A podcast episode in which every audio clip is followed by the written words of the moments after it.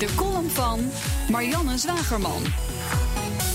Wachtend bij de bar om mijn lunch af te rekenen, bladerde ik door de Telegraaf. Mijn oog bleef hangen op een pagina grote foto van een lange, knappe voetballer. Legt u de krant maar weg, mevrouw, er staat alleen maar slecht nieuws in vandaag, zei de jonge serveerster. Slecht nieuws, de lange, knappe voetballer in zijn oranje shirt wacht volgens de krant een nog grotere toekomst.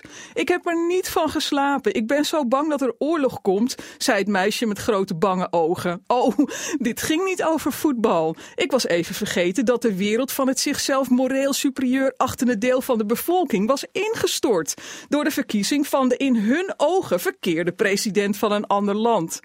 Het wordt geen oorlog hoor, stelde ik haar gerust. Dat is het al, sinds 9-11. Als direct gevolg van 20 jaar falend buitenlandbeleid door de Verenigde Staten. Er komt nu iemand aan de leiding die alles anders gaat doen. En dat geeft de grootste kans op verbetering. Veel meer dan doorgaan op een heilloze weg. Vijf minuten later had ik haar overtuigd. U heeft mij helemaal gerustgesteld. Waarom hoor ik deze dingen niet op tv? vroeg ze. Ja, dat vroeg de baas van de publieke omroep, Jula Rijksman, zich gisteren ook af in de Volkskrant. Zij moet ervoor zorgen dat de NPO er voor iedereen is en dat is nu duidelijk niet het geval. Gelukkig trekken ze die conclusie ook zelf. Rijksman wil dat haar organisatie eindelijk eens het hele verhaal gaat vertellen en groepen met elkaars opvattingen gaat confronteren. Ik hou mijn hart vast.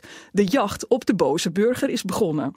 Pauw opende de aanval afgelopen vrijdag al door buitengewoon vals een van de beste debaters van Nederland, de burgerminachtende D66-lijsttrekker Pechtold, los te laten op een groep teleurgestelde Nederlanders.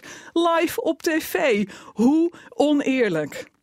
Rijksman beheert honderden miljoenen euro's productiebudget. Bij alle tv-producenten zijn de verloven ingetrokken. Er wordt druk gebrainstormd over formats om de boze burger in beeld te brengen. Lekker aapjes kijken.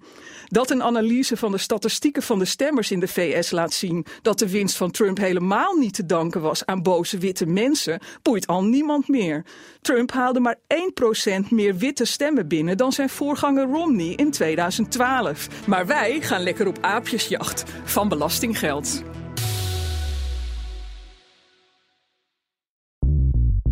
Bij BNR ben je altijd als eerste op de hoogte van het laatste nieuws. Luister dagelijks live via internet. Jelle Maasbach. Wesley Weert. We zijn er voor je met het leukste, opvallendste, maar natuurlijk ook het belangrijkste nieuws. Tijdens de presentatie van die halfjaarcijfers toen die beurskoers in elkaar kukkelde. BNR Beurs. Voor de slimme belegger. Blijf scherp en mis niets.